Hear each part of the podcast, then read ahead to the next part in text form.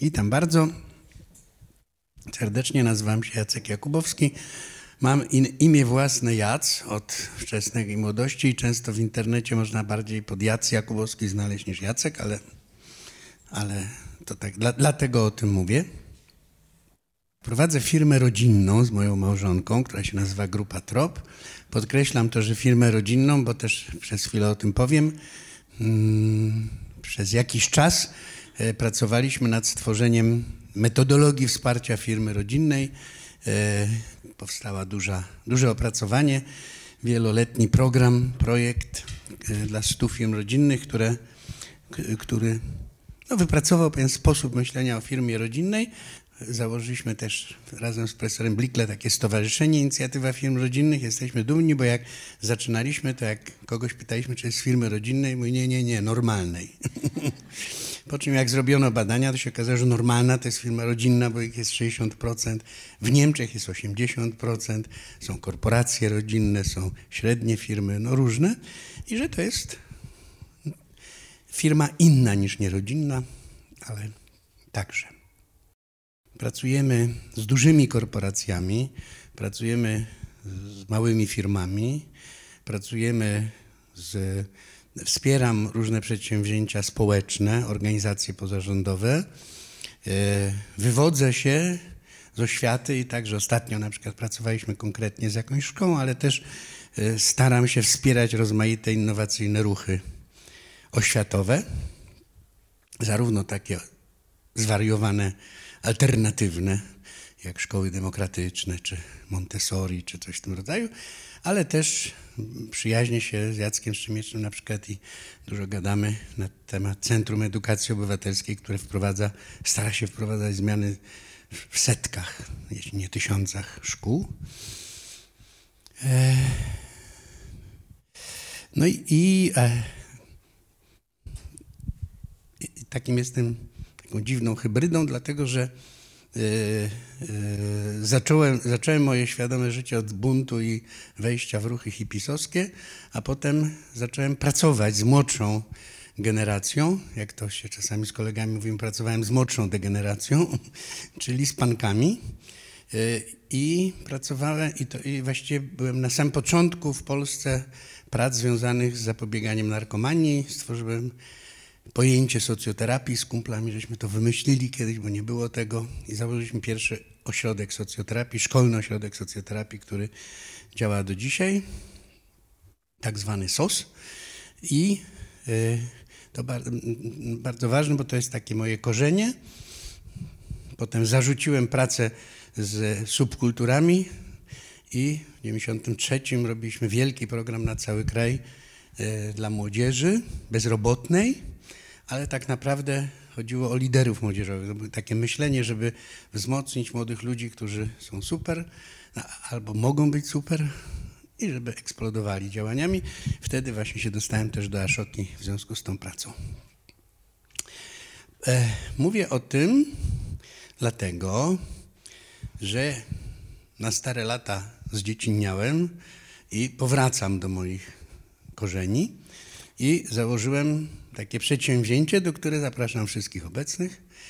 E, przedsięwzięcie nazywa się Społeczna Koalicja na rzecz współpracy opartej na empatii.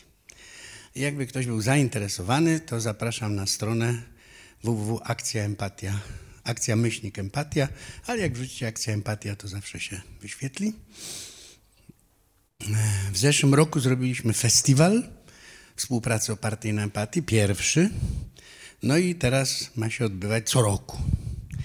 E, teraz jest, mamy już termin 6-7, uwaga, czerwca. Także spokojnie, termin można znaleźć, jeżeli będziecie zainteresowani. I właśnie o współpracy opartej na empatii, tak mówiąc o tym festiwalu, powiem, że były na nim właśnie bardzo różne nurty mi zależało na tym, żeby spotkali się ludzie, którzy się zwykle nie spotykają. Bo albo się spotykają małe firmy, albo korporacje, albo światowi ludzie, albo NGO-sowi, tak, a jeszcze tam w innych silosach. Natomiast tam spotyka, spotkali się wszyscy, bo chodziło o taki wyróżnik, e, gdzie próbowałem też wielu osobom uświadomić, że są specami od współpracy opartej na empatii. A mówili, ja? A skądże?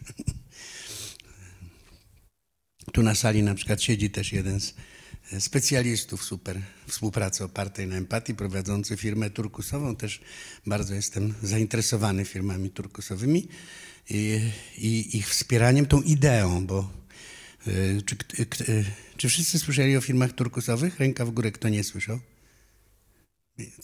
Firmy Lalu wydał taką książkę, w której, znaczy tak, wyobraźcie sobie, że są na świecie firmy, w których w strukturze organizacyjnej nie ma stanowiska szefa. Mają założyciela, zarząd, nie wiem, kogoś, kto tego, po czym jest stawianie na samoorganizację. Tak? Wszyscy się muszą ze wszystkimi dogadać. A nie jak się kłócimy, to idziemy do szefa i niech rozsądzi. Nie, ma szefa trzeba się dogadać. Je, jeszcze mam takie pytanie. Y, tutaj tak chciałbym się zorientować, tak w jaką stronę mówić. Ile tu jest osób o takiej prowiniencji psychologicznej, albo psychologów, albo studentów psychologii. Tak. Sporo. No to się boję, że jak zacznę mówić, to możemy... Możecie mieć świeższe informacje, to się włączcie na pewne tematy, ale chcę powiedzieć, że ostatnio mnie zafascynowała cała taka eksplozja badań dotyczących mózgu. I, no i to jest tak, lat już mam sporo, pracuję lat kilkadziesiąt i to wszystko, mam takie wrażenie nagle, że wszystko, co robiłem, było jakąś filozofią, ideologią, jakimś pomysłem, jakimiś rzeczami, teraz nagle znajduję naukowe podłoże. No to świetnie. Oczywiście to naukowe podłoże też modyfikuje. To nie jest tak, że że wszystko, co się tam kiedyś wymyśliło, ale koresponduje to z tym całym nurtem takiej wiedzy na temat mózgu. No i pewnie yy, powiedziałbym tak, to pewnie część z Was wie, ale wiecie o tym, że każdy z Was, każda z Was, każda obecna tu osoba jest po prostu jakimś nieprawdopodobnym układem złożonym. Także że mózg szacownej pani, szacownego pana składa się z ilu? Kto powie? A nie można. Więc sam będę mówił. Składa się podobno 76, 80 tysięcy, 80 miliardów albo do 100 miliardów. No takie, no nigdy chyba tego nie jesteśmy w stanie zbadać. Zresztą jest pytanie, czy się bada po napiciu, czy przed napiciem, bo wiadomo, że tu mogą być różnice. Te, te neurony mogą wejść w każdy z nich w 20 tysięcy kombinacji. Ilość możliwych kombinacji w naszej głowie, pytałem matematyków, taka liczba nie, w ogóle po prostu nie do ogarnięcia, nie do wyliczenia rzędu atomów w kosmosie, mówimy nie atomów, tylko połączeń możliwych, że dwa z trzema się łączą, te trzy, dwa z trzema się łączą z pięcioma następnymi i tak dalej. No i w naszym mózgu do niedawna jeszcze wiele osób to używa, że mamy neurony lustrzane. Wyszła książka Mit neuronów lustrzanych, zdenerwowałem się okropnie, mówię cholera, o co chodzi. No okazało się, że po prostu pewien poważny naukowiec przebadał to wszystko, przepatrzył i powiedział, nie ma żadnego dowodu, że to są pojedyncze neurony, bo to mogą być systemy lustrzane. No wiecie, z mojej perspektywy, czy to jest system, czy zbiór neuronów, to mnie jest GANS. jeżeli, te, jeżeli te zasady działają. Co one oznaczają? One oznaczają, yy, tak przesadzając nieco, że wszyscy jesteśmy bytami empatycznymi. Nie ma osób nieempatycznych. Może być zróżnicowanie, może być, no bardzo różne rzeczy, ale my w ogóle jako gatunek rozwinęliśmy się dzięki temu, że potrafimy współistnieć, a to, co mnie jeszcze bardziej interesuje, jedna z form współistnienia jest współpraca. Bo jest oprócz tego miłość, jest oprócz tego działanie wspólne, no, duchowość, no, rozmaite rzeczy. To, co mnie interesuje, to jest współpraca.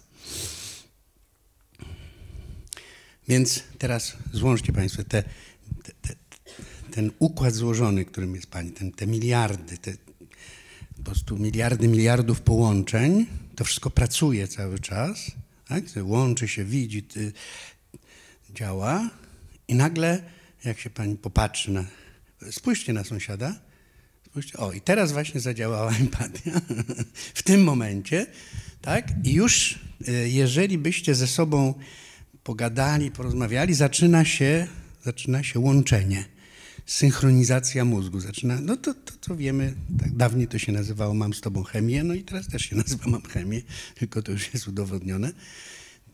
Otóż jak się człowiek z człowiekiem spotka i, bo mamy też taką pewną umiejętność, mianowicie uwagę, że ja mogę się spotkać, ale nie widzieć. mogę też sobie myśleć, no to jest taką samą, co ja będę gadał. Odcinam i nie ma przepływu, tak? Nie ma uważności, bo ja sobie ją zaklasyfikowałem, że jest kobietą albo mężczyzną, że jest Niemcem albo jest y, wsiokiem albo miastowym. No i już mam z czapy, tak? Trochę. Już nie muszę współodczuwać. Y, być w kontakcie.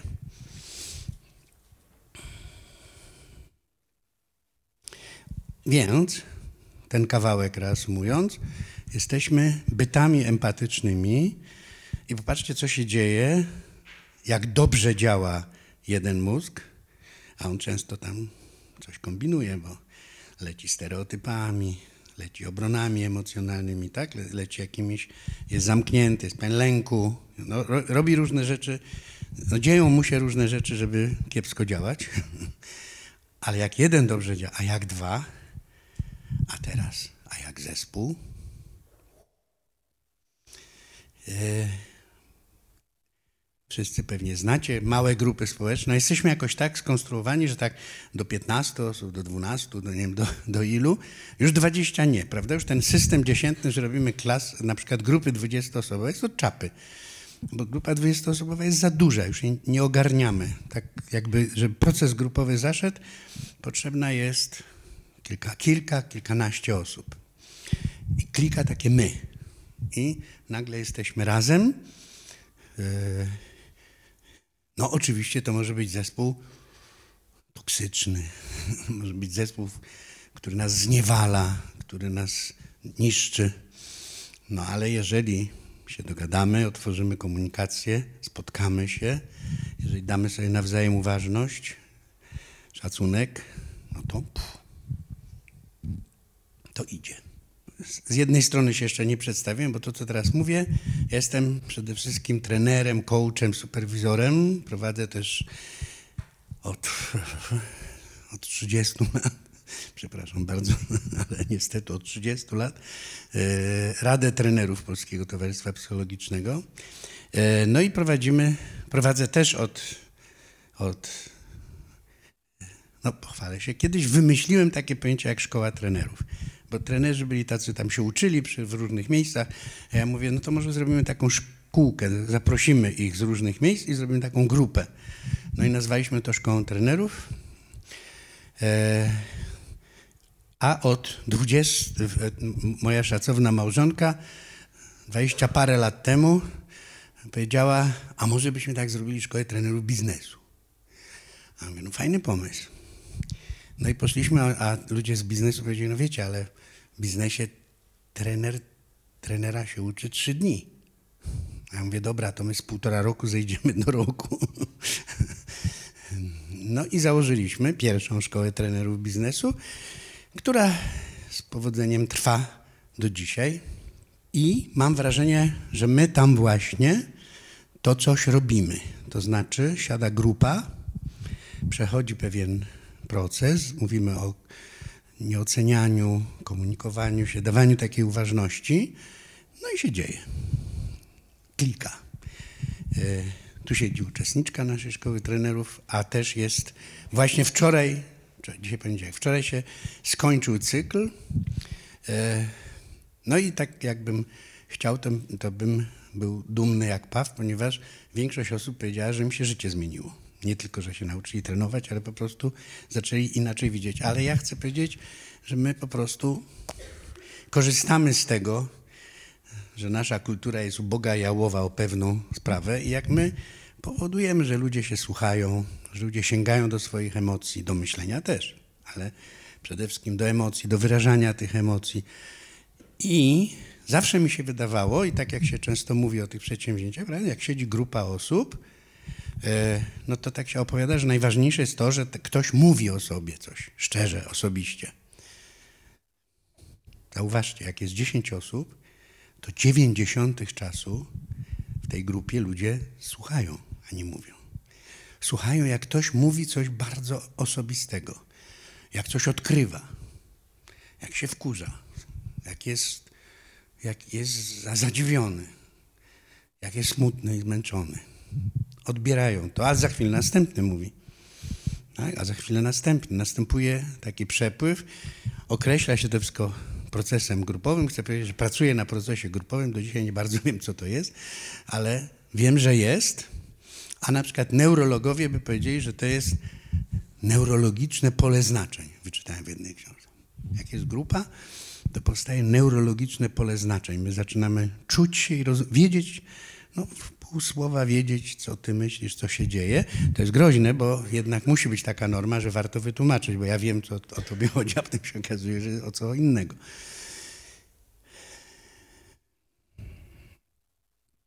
Empatia, tak, jest wrodzona, jest naszym budulcem, naszą bazą, e, powoduje, że no w ogóle tam teraz te badania mózgu, to jakaś eksplozja idzie. Są tezy, że na przykład dzięki niej jest język w ogóle, ale może to coś jest równolegle. No, wiecie, tak naprawdę przyczynowo-skutkowe myślenie o mózgu to jest w ogóle, to chyba nie wiem, czy to kiedykolwiek się sprawdzi, bo bo, no tylko tyle wiemy, że jak jest małe dziecko, to jak dostaje miłość, uwagę i, i, i, nie jest zaniedbane i tak dalej, to mu się ten mózg rozwija. O, to już wiemy, że jest jakieś przyczynowo-skutkowe, że trzeba kochać dziecko i się nim rozmawiać. O, to już mamy coś. No ale co się tam dzieje, to tego nie wiemy, ale możemy obserwować pewne prawidłowości, widzimy pewne działania. Z badań Hoffmana, tylko tak tych murach, no ale trudno, to nie będzie takie strasznie naukowe, ale takie dość narracyjne, storytellingowe, że się tak wyrażę, żeby było poważnie. Mianowicie, mm, co się dzieje, jak leży osesek, drugi obok i ten osesek drży mordę, bo się zlał. To drugi zaczyna drżyć mordę, choć mu nic nie jest. Pierwotna empatia. Hoffman zbada, po prostu jeden siedzi, jeden obok drugiego, nic mu nie jest, słyszy, że ten drzy to już drzemy razem. Jakby, no, ta empatia przepływa od razu.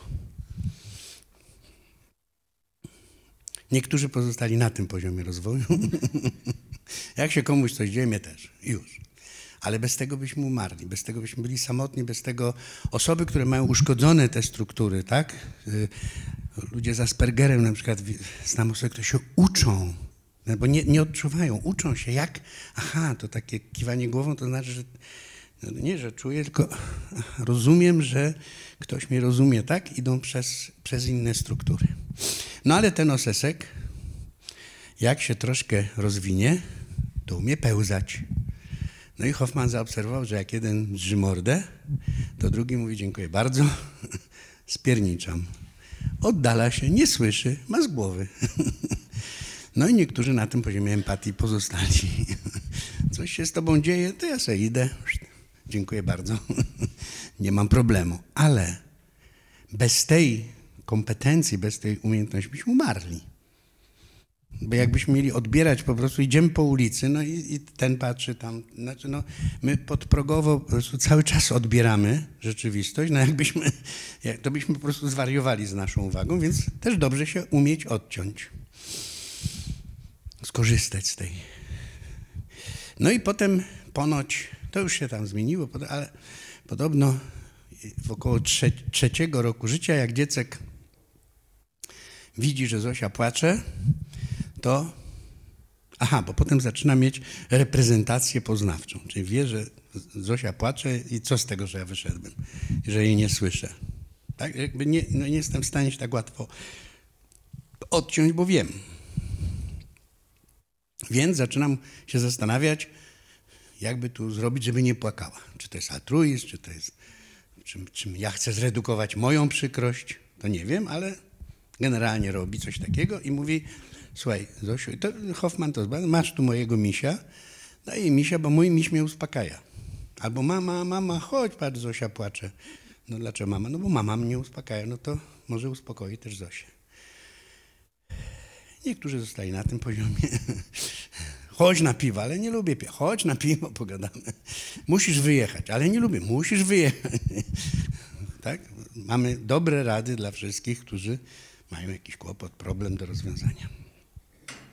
No i czwarty rok życia, dziecko zaczyna kombinować, że to drugie dziecko to jest ktoś inny, a nie ja. I zaczyna, i to naprawdę zaobserwowano eksperymentalnie, że zaczyna przynosić mu jego misia, a nie mojego. W pewnym banku, jak robiliśmy zajęcia, było to super odkrycie i potem zespół trenerski miał misia na stole i mówił, w razie czego przynieść mojego, a nie, a nie twojego, żeby pamiętać o tej prawidłowości. I kochani, ważna sprawa. W wieku lat 12-13 psychologowie wiedzą, w tym czasie Piaget powiedział, że mamy, tak, tak, zaczyna być myślenie abstrakcyjne. Fromm powiedział, że się zrywa więź pierwotną i się buduje więź wtórną z rodziną, tak, że coś się dzieje w tym, w tym nastoletnim życiu. Według Hoffmana z tego procesu empatycznego, emocjonalno-poznawczo-empatycznego zaczyna się wyłaniać uogólnienie. Ja już wiem, co to jest niesprawiedliwość. Nie co, że mnie zrobiono, albo że tobie zrobiono niesprawiedliwość, tylko już tak jakby, co to jest w ogóle niesprawiedliwość. Wyłania się wewnętrzna, jeszcze niedojrzała, mokra taka hierarchia wartości. Takich abstrakcyjnych, gdzie zaczynam to rozumieć. No i wiemy, że cholery można dostać, bo ta hierarchia się najlepiej buduje w kontrze do rodziców, albo w grupach rówieśniczych, tak? albo w różnych dziwnych procesach.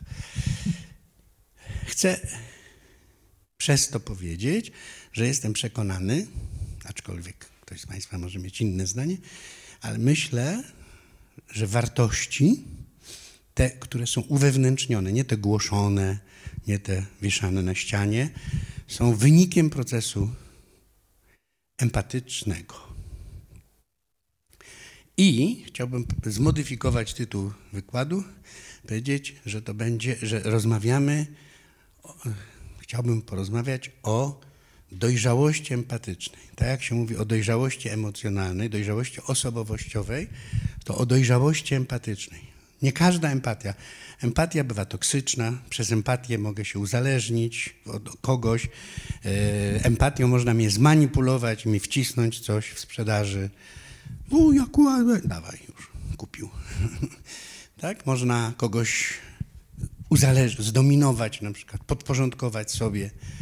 I taka osoba na przykład podporządkowana będzie patrzeć, czy szef jest zadowolony, że o, zadowolony, to ja też zadowolony. Oj, niezadowolony. Tak, znaczy, tak bardzo silnie odbiera, o, koleżanka niezadowolona, to Kitty w ucho, co mnie to, ale szef jak, o nie. Tak, odbieram, bo się tego, nie wiem, boję, bo, bo moja uwaga jest przykuta. Nie ja dysponuję swoją uwagą. Uważam, że istotą tej dojrzałości empatycznej jest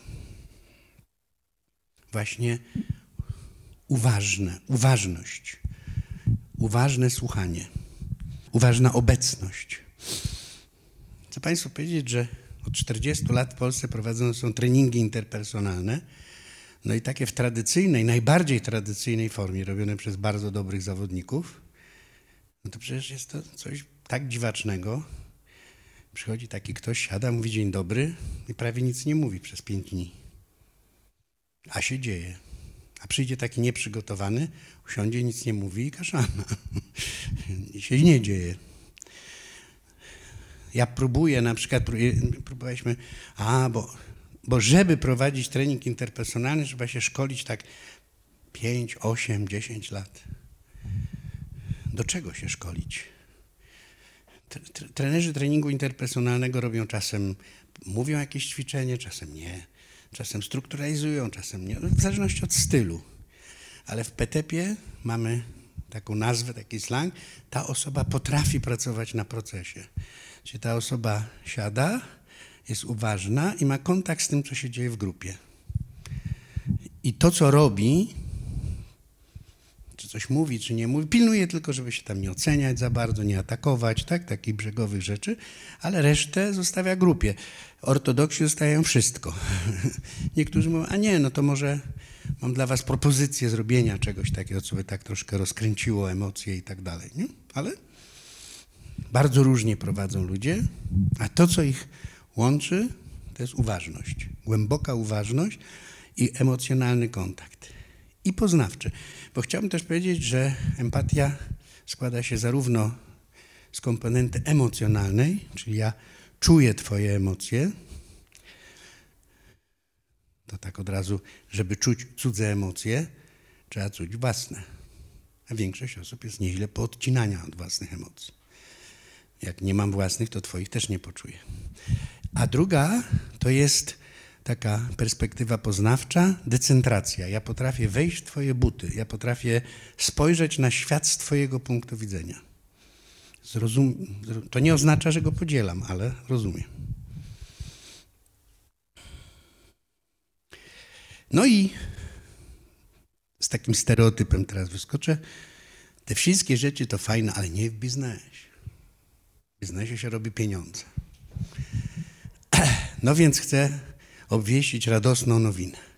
Otóż biznes doszedł nie dlatego, że, znaczy tak, pewne obiektywne procesy, eksplozja wiedzy, tak, eksplozja życia w zmianie, przełomu cywilizacyjnego, w którym jesteśmy, doprowadziła do tego, że więcej pieniędzy się zarabia, jeżeli w biznesie siedzą ludzie, którzy pracują nad własnym rozwojem, samoświadomością, uważnością empatyczną. Tak? Się okazuje, że to nie chodzi, że to takie ładne. Po prostu do niedawna menedżer, który poniżał ludzi albo mówił wycisnę cię jak cytrynkę i tak dalej, no to było to nieetyczne, ale efektywne. A teraz to on jest nie tylko nieetyczny, ale i głupi, bo po prostu sobie strzela w kolano, bo po prostu ma gorsze wyniki. Ponieważ do roboty są roboty, a ludzie są do pracy. Potrzebni są ludzie, którzy zastanawiają się, myślą, którzy rozmawiają, ale rozmawiają, nie, nie robią dwóch monologów. Tak? tak jest, też jest taka mowa, czy to jest rozmowa, czy to są dwa monologi. No pozwól mi pogadać. Ta nie słucha, ale czeka, bo, bo też chce pogadać. Więc za chwilę, dobra, teraz czas dla ciebie, ja nie słucham, ale nawijaj. Prawda? A jeszcze bardzo często y, po prostu ludzie nie rozmawiają, tylko coś robią. Rozgrywają, kombinują, kłócą się, na wszelki wypadek milczą, żeby się nie narazić na ocenę, albo na wszelki wypadek zabierają zawsze głos, choć nie są to proszeni. Tak? Robią cuda z rozmową. Ja chcę Państwu powiedzieć, że pracuję w różnych korporacjach i też w mniejszych firmach, średnich i tak dalej, w których ludzie odkrywają, bo tam jest już dużo mądrych ludzi, i oni odkrywają, że nie ma żartów. Ostatnio, o, y, kolega, który tu będzie, prezes Gino Rossi powiedział, y, on wprowadzał siebie dla, na, na, początku, bo, bo, go to zainteresowało, bo czuł, że to jest fajne. Tego, i, I naprawdę jest bardziej, mu chodzi o taką sprawę, jak tworzenie zadaniowej wspólnoty. Że to jest co innego niż zbiór osób, które zapiernicza. Tylko naprawdę jesteśmy wspólnotą, która coś razem robi. On chce coś takiego robić, ale w pewnym momencie, jak się tam zadziały jakieś rzeczy, mówi, Jezu, ile my tracimy kasy na tym, że ludzie się nie dogadują. Jakie, to się, jakie rzeczy się dzieją, po prostu coś nieprawdopodobnego. Jak, jak, jak my zrażamy klientów bo ich nie wysłuchuj, bo, bo nie jesteśmy dla nich, tylko hmm, jakby tu tego i mu wcisnąć. No i, no i parę razy się wciśnie, tylko go się traci. W tej chwili chcę, wam, chcę Państwu powiedzieć, że e, jako superwizor takiego programu, w którym kilkadziesiąt osób brało udział i mieli prawo do superwizji dwudniowego warsztatu. No ja jeździłem na te warsztaty, były na różne tematy, ze 20 było ze sprzedaży. I ja po prostu zamarłem z zachwytu. Proszę Państwa, właściwie na żadnym z tych warsztatów nie uczono żadnych sztuczek. A taki jeden z zachodu przyjechał, spec od tego, powiedział, jeśli chodzi o sprzedaż, nauczę was takiego myku. Jakiego myku? No myku, no wiecie, jak, że jak się najlepiej sprzeda. O, dawaj, dawaj, jak, no, jak, myk, no, jak. Otóż najlepszym mykiem jest uczciwość. Bo jak jesteś uczciwy, to ta druga osoba ci zaufa. Jak ona ci zaufa, to, się, to będzie do ciebie przychodzić, żeby kupić to ubezpieczenie albo inne, albo polecić je komuś. A jak, ci, a jak ją zrobisz w konia, nawet jej coś sprzedasz, no się prędzej czy później tropnie. No i po prostu już nie kupi. I chcę powiedzieć, że widziałem przedstawiciela dużej, dużej korporacji szwajcarskiej, który przyjechał. I akurat tego może niezbyt lubiłem, no ale tak popatrzył srogim okiem na przedstawicieli, na, na sklepy, wiecie, sklepy, które miały produkty tej korporacji i powiedział tak, my naszą markę budujemy na uczciwości. Jak go przyłapiemy na tym, że stosuje manipulację i, i, sprzedaje nie to, czego klient potrzebuje. No, jak ma takie, no nie jednorazowo, ale jak zobaczymy coś takiego, się pożegnamy. My sobie nie życzymy tak. Możecie mieć super wyniki. My wiemy, że to jest na krótką metę. Te super wyniki są przez jakiś czas, a wy nam niszczycie markę. My chcemy, żeby ludzie byli przekonani, a to od was zależy, że nasza marka stoi na tym, że oto tej pani się zastanowimy, co jest jej potrzebne i jej jako doradca, bo ona się na tym nie zna, zaproponujemy coś, co jej jest, naj... jeszcze spytamy, dogadamy, czy to naprawdę, czy na pewno to. I to może być na czymś, co mniej zarobimy na tym, no, bo, bo per saldo to jest ludzkie, a poza tym i na tej najwięcej zarobimy. Bo ta pani do nas wróci, jak będzie potrzebować, bo będzie ufać. Taką, no będzie ufać, no bo ma rację. Proste? E, inna bajka. E, jest sobie taka firma Danon. Znacie firmę Danon. Ta firma kupuje mleko i ta firma współpracuje z rolnikami. I my z nimi siedliśmy i oni mówią, my mamy kłopot z tymi rolnikami, bo oni są nieufni. Tak, jedzą tam coś. No a poza tym, no nie wiem, my mamy koszmarną nad nimi przewagę. No my jesteśmy korporacją, mamy prawników, mamy... I to wcale nam nie służy. My chcemy mieć partnerów.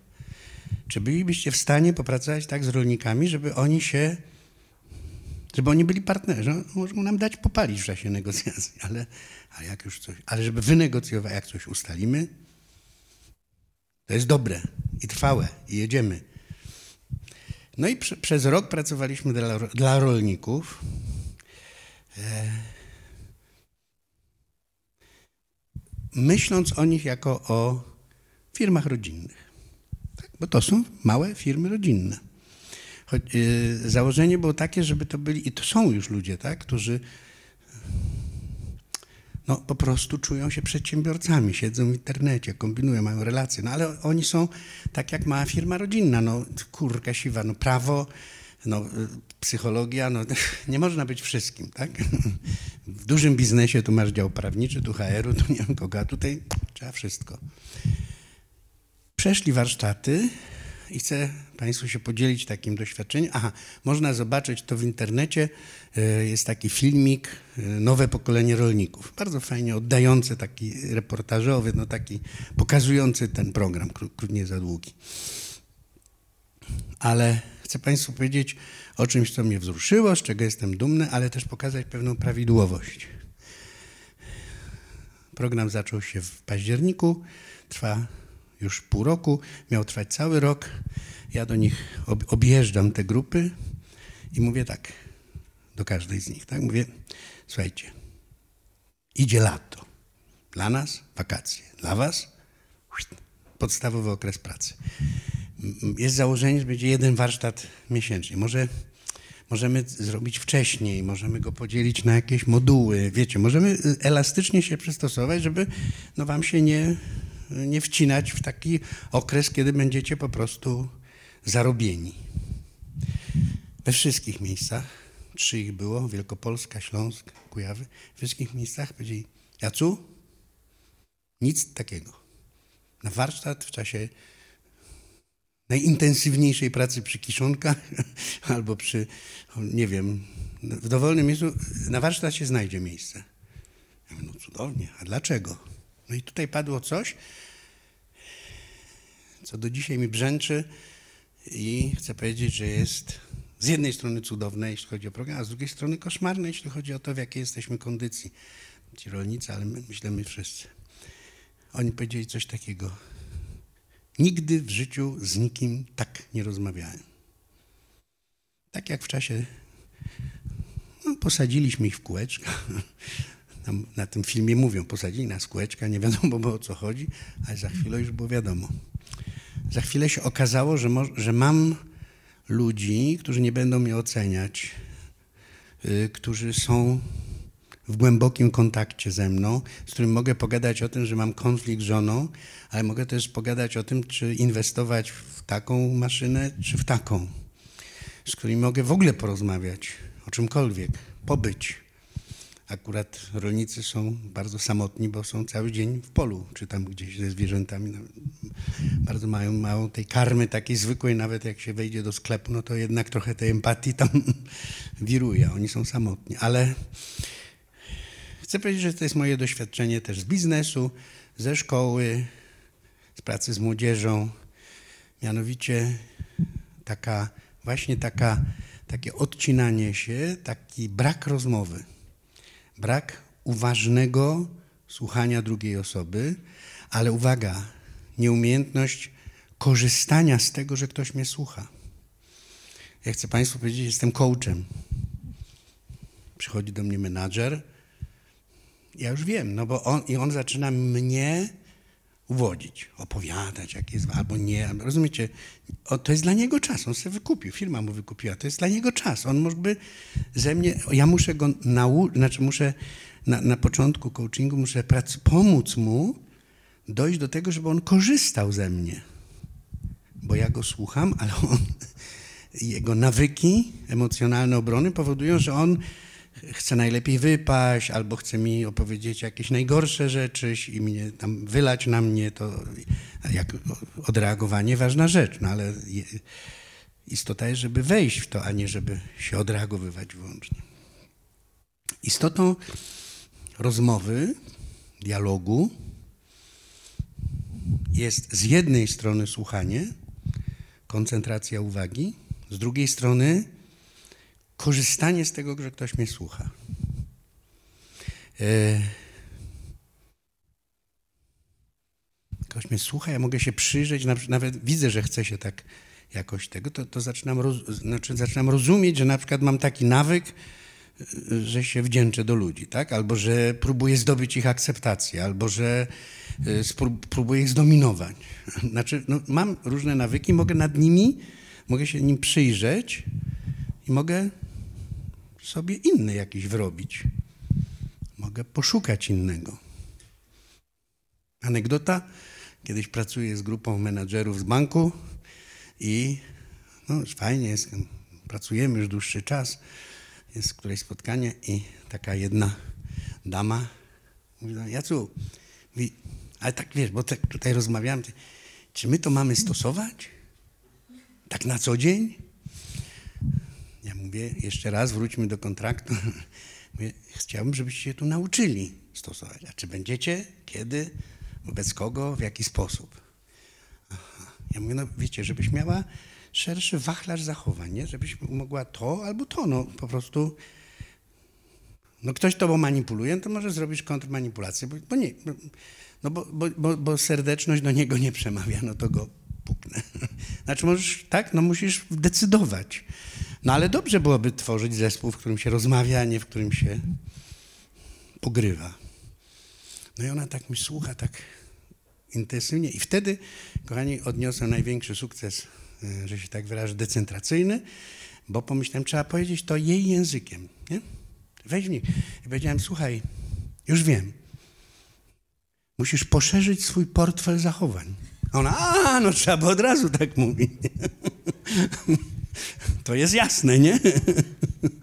Mieć zdywersyfikowany portfel zachowań. A, no to... to. Jak zauważyliście, uwielbiam swój głos, bym mógł długo jeszcze opowiadać. Spróbuję to jakoś zebrać. Jeszcze raz przypomnę, jesteśmy bytami empatycznymi. Dlaczego robię ten ruch społeczny? Ponieważ jest trend. Nie jest przez nikogo wywoływany, tylko on jest. E, pracujemy w banku, mogę powiedzieć, w M-banku pracujemy, bo to było w gazetach to opisywane, w której prezes tego M-banku pojechał sobie za granicę, myśli, myśli, hmm? pojechał za granicę, wrócił, zaprosił swoje dwie współpracowniczki i powiedział, słuchajcie, trzeba więcej. To już nie wystarczy no, taki doradca klienta, no, taka dobra obsługa. To nie, znaczy jest ważne, ale to nie, dalej trzeba. Trzeba zrobić, wprowadzić do nas empatię. I Bach wprowadzili to do strategii. Na początku chcieli empatię pokliencką, ale miło, że są otwarci, bo jako psychologowie my powiedzieliśmy, wiecie co, no nie można być empatycznym po kliencku, a w środku, znaczy to się musi wylewać ze środka, a nie, że tu ty cholera, a tu dzień dobry, no, no nie da rady. E, wszyscy menadżerowie w banku przeszli warsztaty z empatii, co to jest, jak słuchać, jak usiąść, w, tak wiecie, jak, jak tego, ale uwaga, gdzie, jaki był temat, y, też przeszli wszyscy warsztaty, z czego? Z empatii, wydawałoby się, z konfliktu. Ponieważ w konflikcie empatia się dopiero uruchamia. Ponieważ w konflikcie albo się zarażam twoją złością, tak? albo tego, albo na przykład mamy, no jestem zły, to słyszę, że ty na mnie, ja na ciebie, to albo jestem urażony, to mówię, ale potem myślę, o co ci chodzi, a ty myśl, o co mnie chodzi. Jak ty będziesz myśleć, o co mnie chodzi, a o, a o tobie, nie zapominając, o co mi chodzi, bo no nie, no to nagle, tak, nagle się znajduje rozwiązanie. Raju nie ma, to jest strasznie trudne, wprowadzanie tego do takich dużych struktur, bo, bo jesteśmy wszyscy niezwykle przetrenowani obronnie na emocje, na kontakt, na relacje, odrzucamy. Znaczy, mówimy nie, zarezerwuję to tylko do mojej ukochanej osoby, a w biznesie to trzeba inaczej, tak? E, nie potrafimy tym, boimy się, jesteśmy pourażani, bo się otworzyłem i dostałem z czapy no to już więcej, raz, drugi, to już nie, to już więcej się nie otworzy. No, mówimy też o doświadczeniach z dzieciństwa, tak? Mówimy o takich doświadczeniach szkolnych. Jak się nazywa współpraca oparta na empatii w szkole? Ściąganie. E, ostatnio słyszałem taki tekst studenta, który wyjechał i mówi, kurka, siwa jest egzamin, patrzę, wszyscy gadają, wyciągają jakieś smartfony, kombinują. No egzamin, no bo oni mają razem rozwiązać jakieś problemy, a nie mają siedzieć i nie odzywać. No tutaj się nie, muszę sprawdzić, czy proszę tu się odsunąć od siebie. Brak inteligencji emocjonalnej i empatycznej powoduje, że jesteś nieinteligentny w ogóle. To znaczy możesz być sprytny, albo możesz być inteligentny technicznie, możesz ja zresztą przyznam, to może przesadzam, że nie inteligentny w ogóle, bo jak ja chodzę do tych menadżerów,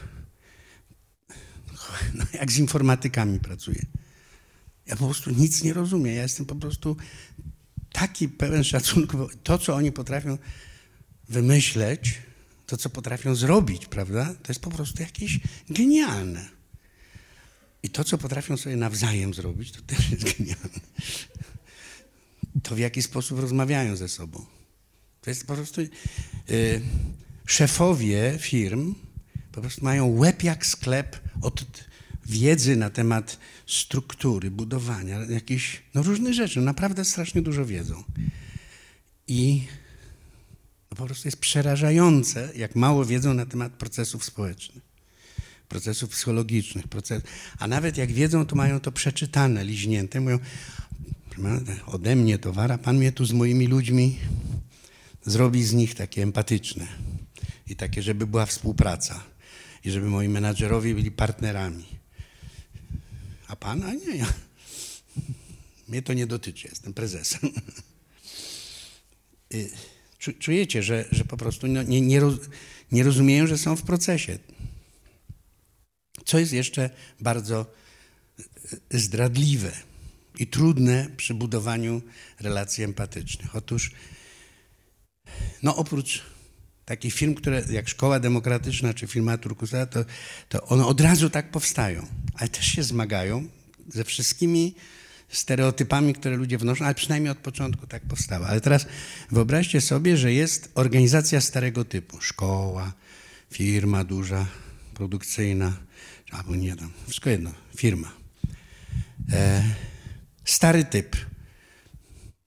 Hierarchia, szczebelki, kto wyżej, ten mądrzejszy, ten w ogóle mądrzejszy, nie że on, on od, od, wszystkiego jest mądrzejszy, nie tylko od, tak, on, on jest decydent, on, on, ale ma swojego szefa, który jest jego decydent i tak dalej. E, któryś z panów napisał, już nie pamiętam, e, napisał w takiej, a zresztą Kowej też, jaka jest podstawowa cnota w takiej organizacji. Posłuszeństwo, wykonanie bycie trybikiem, bycie karnym elementem tego całego systemu, bo on inaczej, bo on jest tak zaprojektowany, że bez tego nie chodzi. No jak jedno trybik zacznie nie trybić, no to po prostu całość się rozpada, jak jest skomplikowana. No tylko to już nie działa. To nie, nie chodzi o to, że jest nieładne, tylko nie działa, fizycznie nie działa.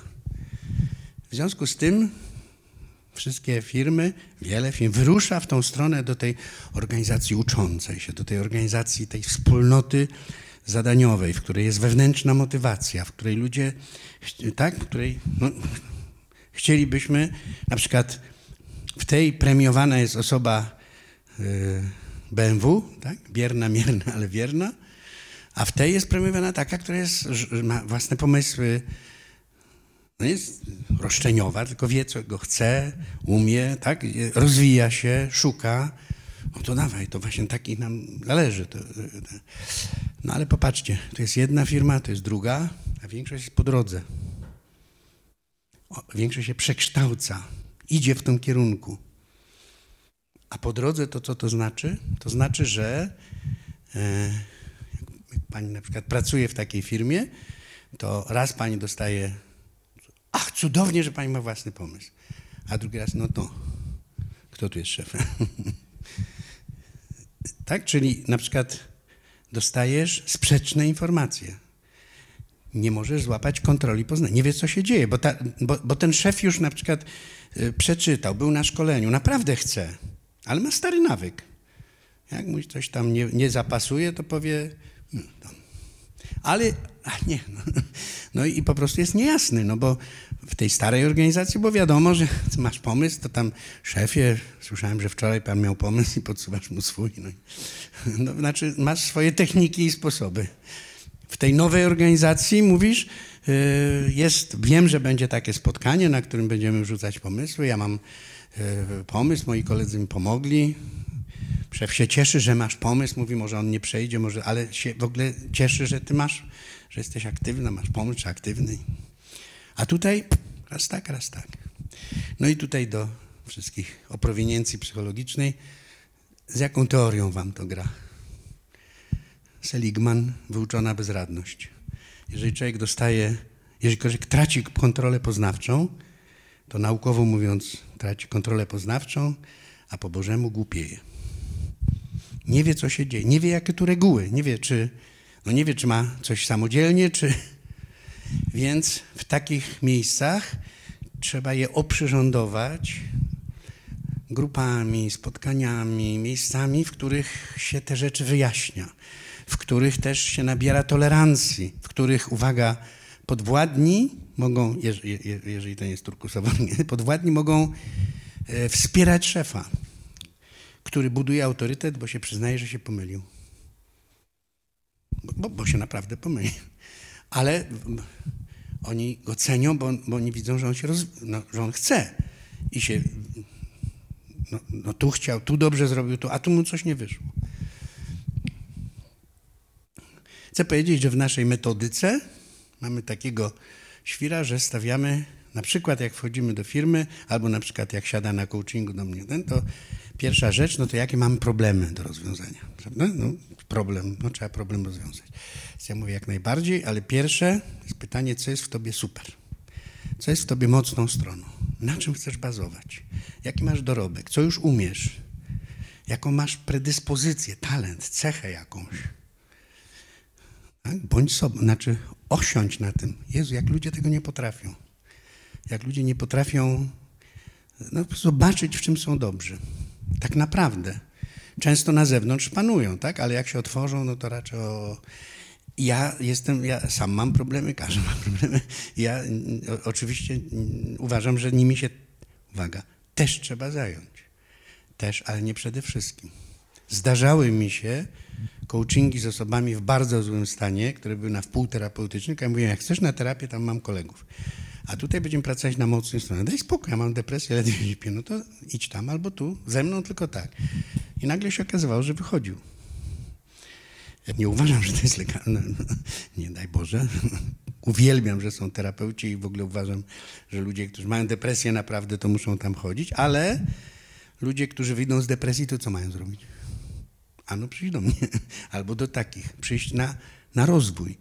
E, stare rzeczy. E, jak ludzie wychodzą z uzależnień, Terapeuci od uzależnień są super, świetni, mądrzy i tak dalej, ale nie wiadomo dlaczego przekazują takich ludzi, którzy wychodzą z alkoholu czy z narkotyków, doradcom y, takim rozwojowym, bo ci doradcy nie pytają, czy ty byłeś uzależniony, czy tylko a co ty umiesz? A tam montowałem kiedyś, a, a malowałem. Co? A to może to podszkolimy, a może do, do designu pójdziesz albo do sklepu. Tak, szukamy w tobie no co mógłbyś sprzedać na rynku? Co, co, co, jest twojego takiego, że możesz coś zrobić, tak? Czyli praca na mocnych stronach. Jak znajdziemy, no to cię wyszkulmy i pyk. I nagle się okazuje, że ktoś oczywiście ma swoje nawroty, ma, no ma, ma swoje kłopoty, no to z terapeutą, ale jak chce do przodu, no to nagle musi z takim prorozwojowcem, coachem, animatorem, facylitatorem, doradcą zawodowym, różne są nazwy.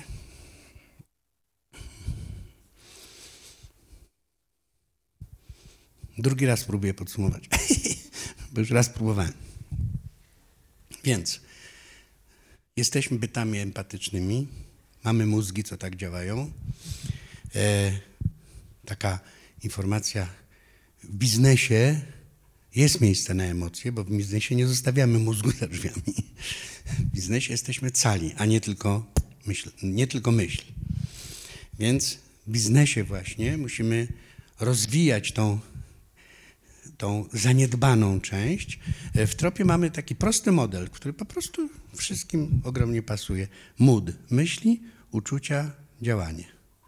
Czyli z jednej strony uczucia, zrozum, znajdź kontakt, z drugiej strony uruchom różne rodzaje myślenia symboliczne, myślenie obrazowe, myślenie logiczne, myślenie analityczne, ale różne. E, niech to się stopi w jakąś intuicję, e, ale to wszystko robisz po to, żeby coś zrobić, a nie żeby taki, tak zmądrzeć. Znaczy, ktoś chce zmądrzeć, to proszę bardzo, ale większość ludzi, żeby się stać człowiekiem, trzeba coś zrobić. Wyrządzić jakieś dobro światu. Wyprodukować coś, pomóc komuś, coś wymyśleć, stworzyć, tak? My po to jesteśmy. Ale jak już to działanie nastąpi, no to co? No to mieliśmy przeżycie, no, mieliśmy, no, musimy to zanalizować, musimy znowu zobaczyć, cośmy zrobili. Tak? I jeżeli ktoś wejdzie w ten kołowrotek, spirala rozwoju. Tak? Idzie w górę. W, w górę swoją, bo ja nie wiem, czy on chce zostać dobrym ojcem i dobrą mamą, czy on chce zostać odkrywcą i, i, i no, co chce robić, tak? Bo znajduje to na zewnątrz w sobie uwaga, znajduje to zawsze w oparciu o sieci społeczne, o grupy, o relacje, o życzliwe osoby, o mądrych specjalistów, którzy się nie mądrzą. Tylko coś wiem, ale wejdźmy w dialog, żebyś, żebyś ty skorzystała, czy skorzystał z mojej na przykład wiedzy, którą mam dużo większą niż ty w danym zakresie. Ale to ty, znaczy między nami musi się, e, musi się wyłonić to, co ty, to, czego ty potrzebujesz w tym momencie. A, jeszcze o jednej rzeczy nie powiedziałem. E, patrzę na was i, od, od, dawna uwielbiam e, dialog międzypokoleniowy. Chciałem Państwu powiedzieć, że e, a, pojadę. Jak zakładałem SOS, to moi koledzy hipisi mówili tak. Mówię, dla kogo ty robisz? Dla tych panków? Przecież to takie, wszystko jest dekadencja. Za naszych czasów to coś chodziło, nie? Wolność, miłość, wiesz. No po prostu, wiesz, no. A ty takie, nie, nie, nie. No i potem 20 lat później jestem y, z moimi byłymi uczniami, którzy teraz mają już tak po 50. No i siedzę wtedy tam sobie z nimi. A wtedy pracowałem z tą młodzieżą właśnie, z tymi liderami. I Dudi mnie pyta, miałem u nich ksywę Dyro. Mówię, Dyro, a co ty teraz robisz? A wiesz, już nie pracuję z subkulturami, tylko pracuję z takimi młodymi ludźmi z różnych miasteczek, miast, tego, żeby oni byli tacy aktywni, żeby coś zmieniali wokół siebie. A Dudy mi na to, no i masz rację, mówi, no bo wiesz, bo za naszych czasów, czyli ten, o którym mój kolega Hibis mówił, że jest po prostu dekadent, no to on też. Więc chcę Państwu powiedzieć, że nawet za naszych czasów się lepiej buntowało. A co już dopiero, tak, lepiej żyło. I chcę powiedzieć Państwu o bardzo ważnym przełomie cywilizacyjnym w tym momencie. Chcę powiedzieć, że to, że starsza osoba nieco zapomina, jaka była, jakim był kretynem albo jakie głupie rzeczy robił, ale pamięta takie cudne rzeczy z młodości. No i potem przez tysiące lat, w czasie kiedy nie było zmiany, tylko była stabilność w sensie kulturowym, tak, na przestrzeni jednego życia się prawie nic nie zmieniało, starszy uczył młodszego. Starszy mówił temu młodszemu, jakie jest życie, jak się produkuje buty, jak się sieje i no, no wszystkiego go uczył. I na dodatek pamiętał, że za młody był fajny, nie pamiętał tych głupot, a ten młody sobie myślał, cholera, ja taki głupi jestem. No i na tym starym się, no i ten posłuszeństwo tak? i ta struktura hierarchiczna się rodziła. No i niestety osoby starsze mają w dalszym ciągu ten zaśpiew. Co ta młodzież dzisiejsza? No przecież. No. No? Mają ten zaśpiew, bo pamiętają te swoje czasy, a w tej chwili pokolenia śmigają co 10 lat albo i szybciej. W związku z tym tu siedzący studenci już mogą powiedzieć o gimnazjalistach, ta dzisiejsza młodzież. Jakaś w ogóle odjechana. E, otóż, jaki jest wymóg cywilizacyjny? Otóż dialog międzypokoleniowy musi się oprzeć na wzajemnej ciekawości, szacunku i uczeniu się od siebie nawzajem.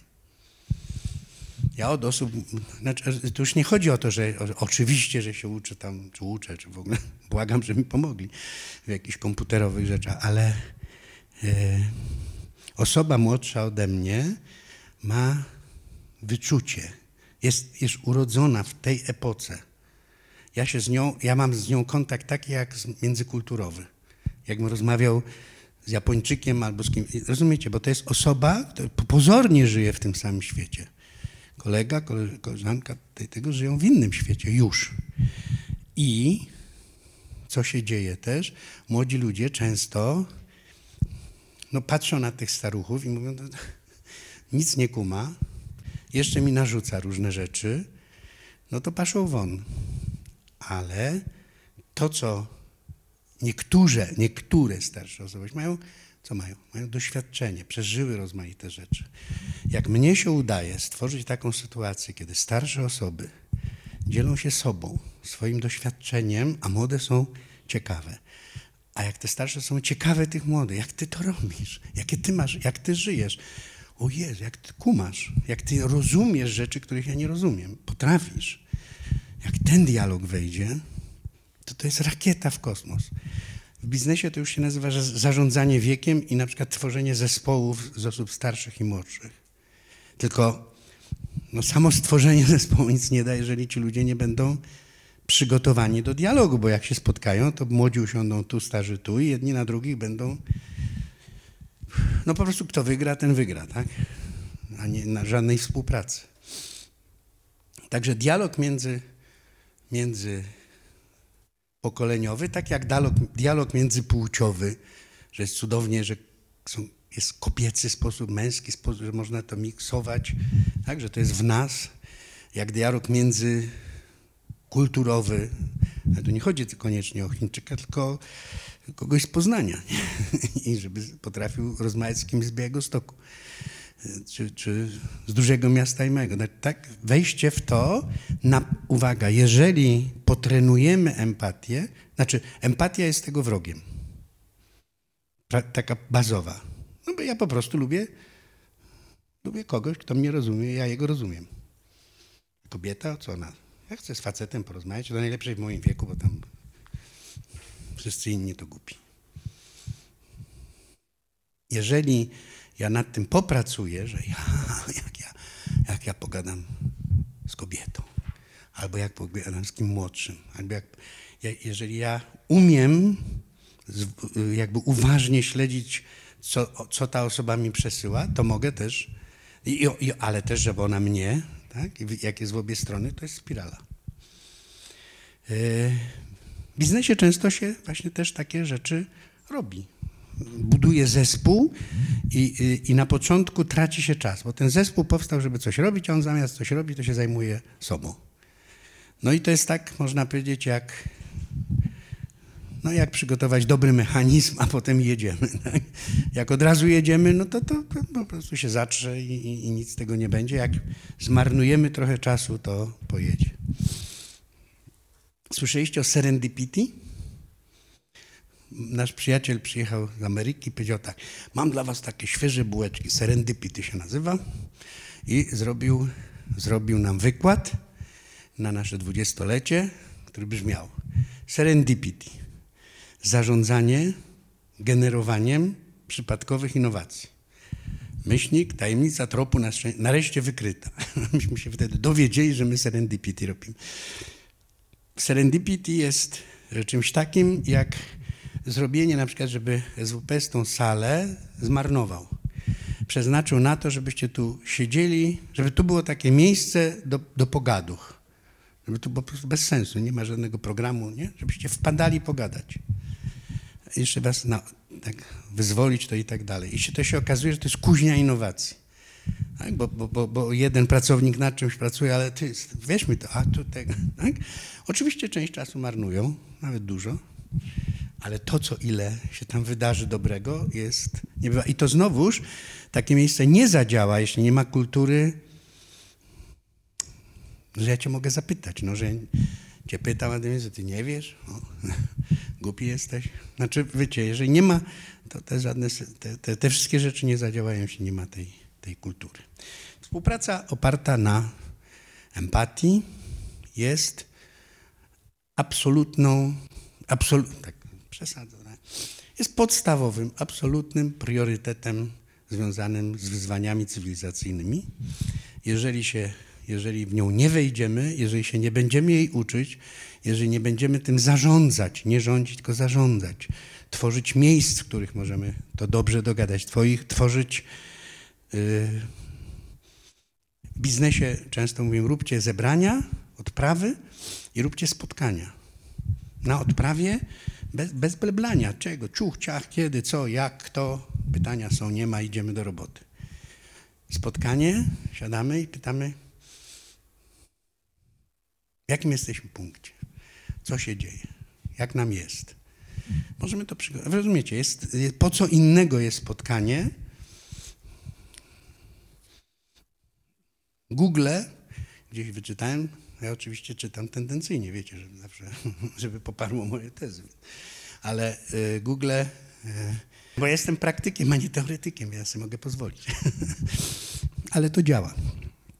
Google zrobiło badania nad dobrymi zespołami. Wiem to, Ktoś widział takie ty, tysiąc zespołów, czy ileś wzięli i zaczęli sprawdzać, od czego zależy dobry zespół. No i na, na początku to myśleli, że od składu, może właśnie, że była tylko jedna płeć, albo odwrotnie, właśnie kobiety mężczyźni, albo jeden rodzaj. No wiecie, no od czego to zależy? Okazało się, że nie ma żadnej prawidłowości, jeśli chodzi o skład. Ale wyczaili dwie rzeczy. Jedna, oni to tak nazwali, że tam jest empatia. A druga, to taka, moim zdaniem, to jest przykład konkretnej empatii, ale że jak się obserwuje pracę tego zespołu, tak przez pewien czas, tak z zewnątrz, to się okazuje, że wszyscy, każda z osób z zespołu mówi mniej więcej tyle samo czasu. Co to znaczy? Każdy jest ważny. Tak? Pracujemy w zespole, ty jesteś, początkujesz dopiero tego, no ale no dobrze, super, że początkujesz. Wnieś to, że początkujesz, że zadajesz głupie pytanie, a ty jesteś super spec i tak dalej. Od tego, od tego. Mówią mniej więcej tyle samo czasu, bo, bo jest szacun do wszystkich. Tak? Ale ten szacun się opłaca. On jest nie, nie tylko taki, że to jest taka wartość bardzo miła się opłaca. Już tego, tak? Lądujemy. No to wiecie, mógłbym jeszcze długo mówić, ale może już nie mam nic więcej do powiedzenia, więc może słucham, słuchamy pytań, tak? Czy jakichś rezonansów. Jaka powinna być granica tej empatii w zespołach? Znaczy, powiem tak, a czy jest jakaś granica emocji? To znaczy, ludzie przeżywają zawsze emocje, tylko można tym zarządzać. Mhm. I em, rdzeniem em, nie ma granicy empatii, ponieważ jeżeli znaczy, ponieważ do, w dowolnej sytuacji chodzi o to, żeby, żeby każdy się zrozumiał, żebyśmy się, żebyśmy się nie czuli, nawet jeśli mi zrobisz krzywdę albo nie wiem, no coś się wydarzy, to, to żebym no wstępnie zakładał, że nie miałeś takich intencji. Tak? I tak dalej. Więc nie ma, nie ma granicy empatii w takim sensie, ona może być tylko coraz dojrzalsza. I może być specyficzna, no może być taka, o, o jesteśmy razem, tamtego, bo tak słuchaj, rozmawiam, znaczy może być bardzo różna w stylu, ale nie ma moim zdaniem granicy, znaczy po prostu ona jest, ona nawet jak się ludzie myślą, że jej nie ma, to jest. I nawet jak powiedziałbym nic o tym nie wiedzą, to są o dziwo takie zespoły, które są fajne i ludzie fajnie rozmawiają i nie wiedzą, że są empatyczni, ale są. No ale bardzo często przez to, że nie wiedzą, to się to, się to no, toksyczność zakaża i tak dalej. Więc nie wiem, czy odpowiedziałem, ale moim zdaniem nie ma, nie ma granicy. Oczywiście można powiedzieć, w biznesie dobrze byłoby się pozajmować tym, co mamy do zrobienia, a nie tylko tym, jak się czujemy ze sobą. Ale no, chodzi mi o taką sytuację, że właśnie przytrafia nam się taka osoba, z którą się nam bardzo ciężko współpracuje, bo ona próbuje dominować, tak? Chociaż nawet nie, nie ma do tego podstaw, bo jesteśmy z różnych działów. I widać, że próbuje narzucać swoją zdanie, a najlepiej właśnie, jak to Pan określił, no raczej być niż cokolwiek robić. E, więc to, to, e, my pracujemy na trzech poziomach. Mamy takie ten poziom indywidualny, grupowy i społecznościowy. Nie społeczny w ogóle, tylko społeczności. W biznesie mówimy o kulturze organizacyjnej i chodzi o to, żeby u nas w firmie tak, nie się, tak się nie robi. Znaczy, u nas w firmie są, tak jest kultura firmowa, która mówi, nie można na kogoś wydrzeć mordy, albo że jak ktoś wszystkich dominuje, to e, to, że na przykład można znaleźć jakąś okazję, żeby mu to w sposób asertywny, czyli jakby szanujący jego godność, ale niestety bolesny, powiedzieć. Tak? I na dodatek, że taki jest, możemy też mu powiedzieć, słuchaj, taki jest standard, na przykład w naszej firmie jest taki standard, że musisz się nauczyć rozmawiać. Jeżeli nie rozmawiasz, tylko perorujesz albo dominujesz albo coś, no to za jakiś czas wylecisz. W firmach turkusowych, na przykład y, takich większych, jest tak, że na przykład zespoły przyjmują ludzi i, i pracują i w pewnym momencie y, mówią, no ja, my nie chcemy z tobą pracować, bo może się świetnie znasz tam na, na, na tym czymś, no tylko, że tak psujesz atmosferę, że my nie chcemy. Więc tam warunkiem wejścia do zespołu jest to, że zespół, który się dobrze komunikuje, dobiera osobę, tak teoretycznie, no bo też oczywiście mamy te tendencje do dominowania i tak dalej, no i czasami, Ale to my się musimy zgodzić. No, jak idziemy na wycieczkę, no to nie ma sensu siedzieć demokratycznie i roztego, tylko demokratycznie powiedzieć, jak jesteś przewodnikiem, to może bądź liderem, tak? Bo się jeszcze wpierniczymy gdzieś bez sensu. Ale ten lider to jest osoba, która rozmawia, pyta, tak? A nie mówi to teraz, pójdziemy w prawo. Bo, bo tak. Pytanie, czy was to przekonuje, czy to jest jakaś bajka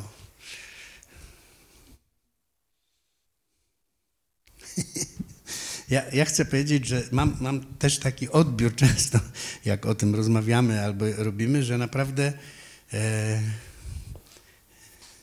ja, ja, e, u wielu z Was, myślę, tak to odbiega od takiej rzeczywistości codziennej, filmowej, uczelnianej, e, nie wiem, tak?